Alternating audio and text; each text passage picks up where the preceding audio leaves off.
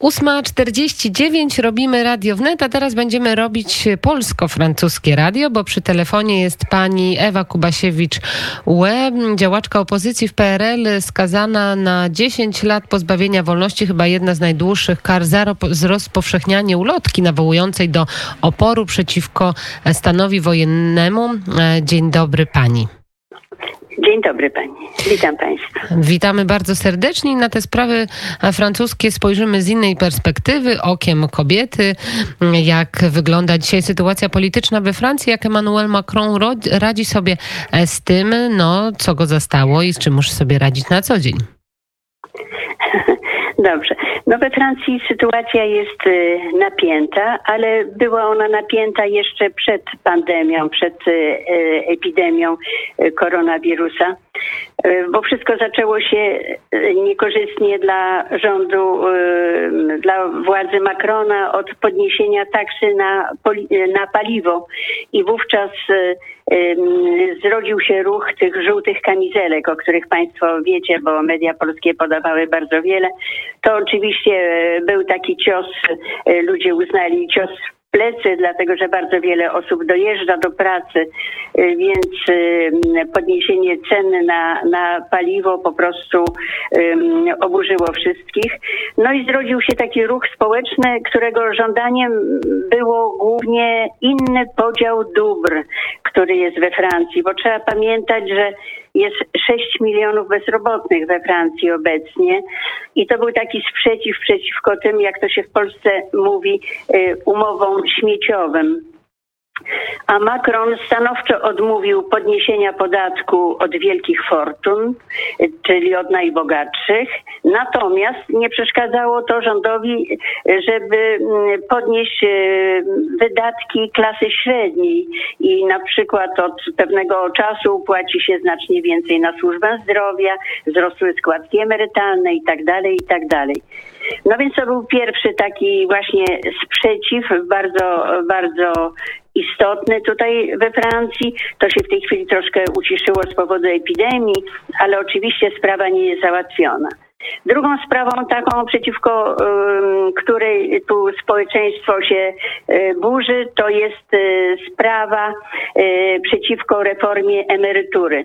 Bo czasów de Gaulle'a było tak, że wszyscy, którzy pracowali, bez względu na to, jaką pracę wykonywali, płacili jednakową składkę. Wysokość składki była procentowo jednakowa dla wszystkich. A Macron chce to zmienić i wprowadzić emeryturę, tutaj się mówi punktową, to znaczy obliczaną systemem punktowym. Zdaje się, że tak to jest w Stanach Zjednoczonych, czy coś, jeśli się nie mylę.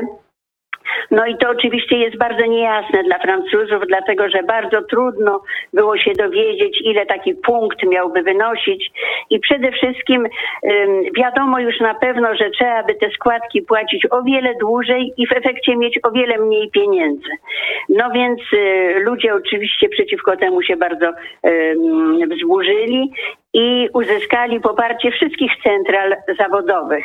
No więc rząd zmuszony był zamrozić y, tę sprawę tej reformy emerytury, tak samo jak i taksy na paliwo.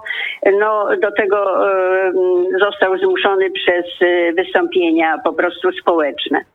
A trzeba przyznać, że Macron nie ma tak bardzo mocnej pozycji, jakby się wydawać mogło, bo w pierwszej turze wyborów on miał tylko 24% poparcia społecznego, bo za nim zaraz była Marine Le Pen, która miała 21%, a Fillon trzeci y, z kandydatów 20%.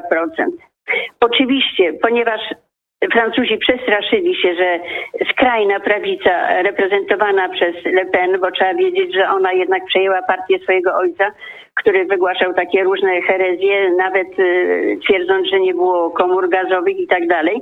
No więc ludzie się przestraszyli, że Le Pen może dojść do władzy i zagłosowali y, masowo na Macrona i on uzyskał w drugiej turze 66% poparcia. A co francuskie... Ale to po prostu było mhm. ze strachu, że tak powiem, a nie y, szczególnie dla niego, bo on miał 24% poparcia. Co francuskie media piszą o wyborach w Polsce, bo u nas sytuacja jest dosyć niepewna. Sami nie wiemy, czy pójdziemy pieszo do urn wyborczych, czy będziemy głosować korespondencyjnie, a czy Francuzi cokolwiek, a jeżeli coś, to co piszą o tych naszych wyborach? No więc muszę powiedzieć, tutaj zrobię jeszcze małą dygresję powiem, że, że po prostu media francuskie od długiego czasu, a właściwie od czasu, kiedy, tak mi się to kojarzy, y, Donald Tusk został przewodniczącym Rady Europejskiej. Bardzo niekorzystnie często piszą o Polsce i mm, przodowały w tym niektóre stacje, szczególnie Arte, to jest niemiecko-francuska stacja telewizyjna,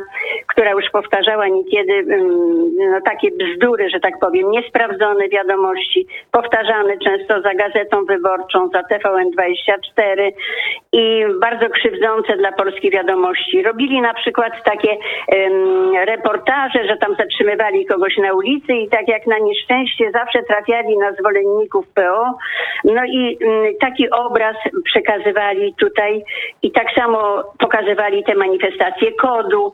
I ta pierwsza manifestacja kodu wydaje się być naj, najliczniejsza, to potem nawet jak tam miesiąc później mówili, że znowu jakieś protesty, to ciągle te zdjęcia tej pierwszej takiej masowej dość y, manifestacji pokazywali. Czyli słowem było to wszystko zakłamane i nieprawdziwe ale powiem pani y, państwu, że się temu nie dziwię, bo jak francuska opinia publiczna, znaczy wiesz, znaczy wiadomo, że, że dziennikarze są lepiej zorientowani niż przeciętny Francuz, ale jeżeli nasi europosłowie w Unii Europejskiej głosują za tym, żeby Polskę ukarać finansowo za rzekomy brak demokracji, no to co się dziwić, że Francuzom już się to wszystko też w głowach mierza i nie bardzo wiedzą, co się w tej Polsce dzieje. Mogę tylko powiedzieć, że stanowisko zarówno przewodniczącego Rady Europejskiej, jak i tych właśnie europosłów y, PO wyrządziło tutaj niewyobrażalne wprost szkody dla Polski. Bo przeciętny Francuz, jak mówię, nie wie, co się w Polsce dzieje, więc bardzo niedobrze to, y, to po prostu wyglądało. Ale żeby nie było już tak całkiem czarno, to powiem, że od czasu, kiedy premierem został został Mateusz Morawiecki, to się bardzo uciszyły te głosy krytyczne. Właściwie nawet ostatnio prawie w ogóle ich nie słychać. Teraz się odezwali właśnie znowu w sprawie sądów, chociaż wiadomo, że, że w Polsce nigdy nie było reformy sądownictwa po upadku komunizmu realnym, o działaniach rządu na rzecz obywateli. Także y, sytuacja ta trochę się zmienia. Natomiast jeśli chodzi o same wybory, to ostatnio Le Monde opublikował artykuł, w którym Tusk mówi, że on zbojkotuje te wybory, bo nie są, bo są niezgodne z konstytucją. Niczego teraz w Polsce nie robi się niezgodnego z konstytucją, ale, ale Francuzi o tym po prostu nie wiedzą. A pani, Także, a pani jak patrzy na tą sytuację, która jest w Polsce? No ja przede wszystkim się bardzo martwię, bardzo się martwię o Polskę. Martwię się, że to, co do tej pory zostało zrobione przez e, obecny rząd i przez i o to wszystko, o to kiedyś walczyliśmy w latach e, w 80, w 81 roku, o co Solidarność walczyła, że to zostanie zaprzepaszczone, zmarnowane tego się boję. Ale równocześnie, bo ta totalna opozycja przecież nie ma żadnego programu, ma tylko negację, a przez samą negacją wiadomo niczego się nie zdzieła. Więc ym, ja jednak mimo wszystko chciałabym i wierzę, że Zjednoczona Prawica się jakoś dogada, że nie pozwoli, aby znowu doszli do władzy ludzie, którzy kierowali się wyłącznie interesem własnym, wyprzedali cały majątek narodowy i nie troszczą się o losy Polski. A przecież więc ja jestem jak najbardziej za tym, żeby wybory y, odbyły się, nie jestem specjalistą, ale tak mi się wydaje, obserwując to wszystko, żeby wybory odbyły się korespondencyjnie. Bo przecież zdały one doskonale egzamin w Korei Południowej, i w Bawarii, i w Szwajcarii. Przecież też były te wybory w Genewie lokalne. Dlatego, że we Francji to ostatnio odbyły się też te wybory regionalne tutaj i odbyły się nie korespondencyjnie, tylko e, no, wprost. I okazuje się, że jednak sporo osób z tych komisji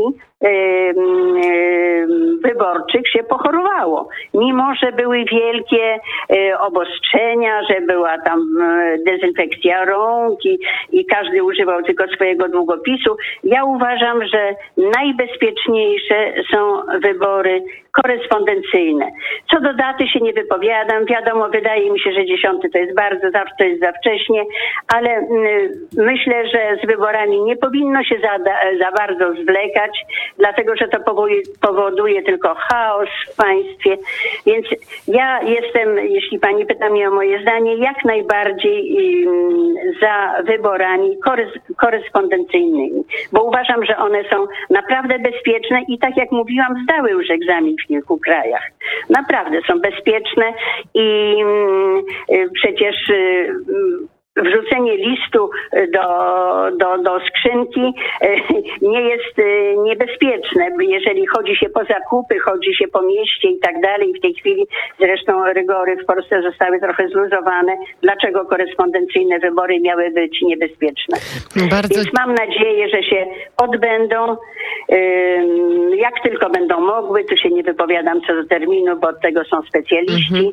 W każdym razie e, takie jest moje zdanie. Bardzo dziękuję. Ewa Kubasiewicz, opozycjonistka, która na stałe mieszka we Francji, a następnym razem porozmawiamy o tym, jak wygląda życie na co dzień we, we francuskich miejscowościach. Bardzo dziękuję za rozmowę. Dziękuję również. Na wszystkiego dobrego. Godzina 9.01 na naszych zegarach i już wiadomości. A ja się z Państwem żegnam. Tak, dokładnie.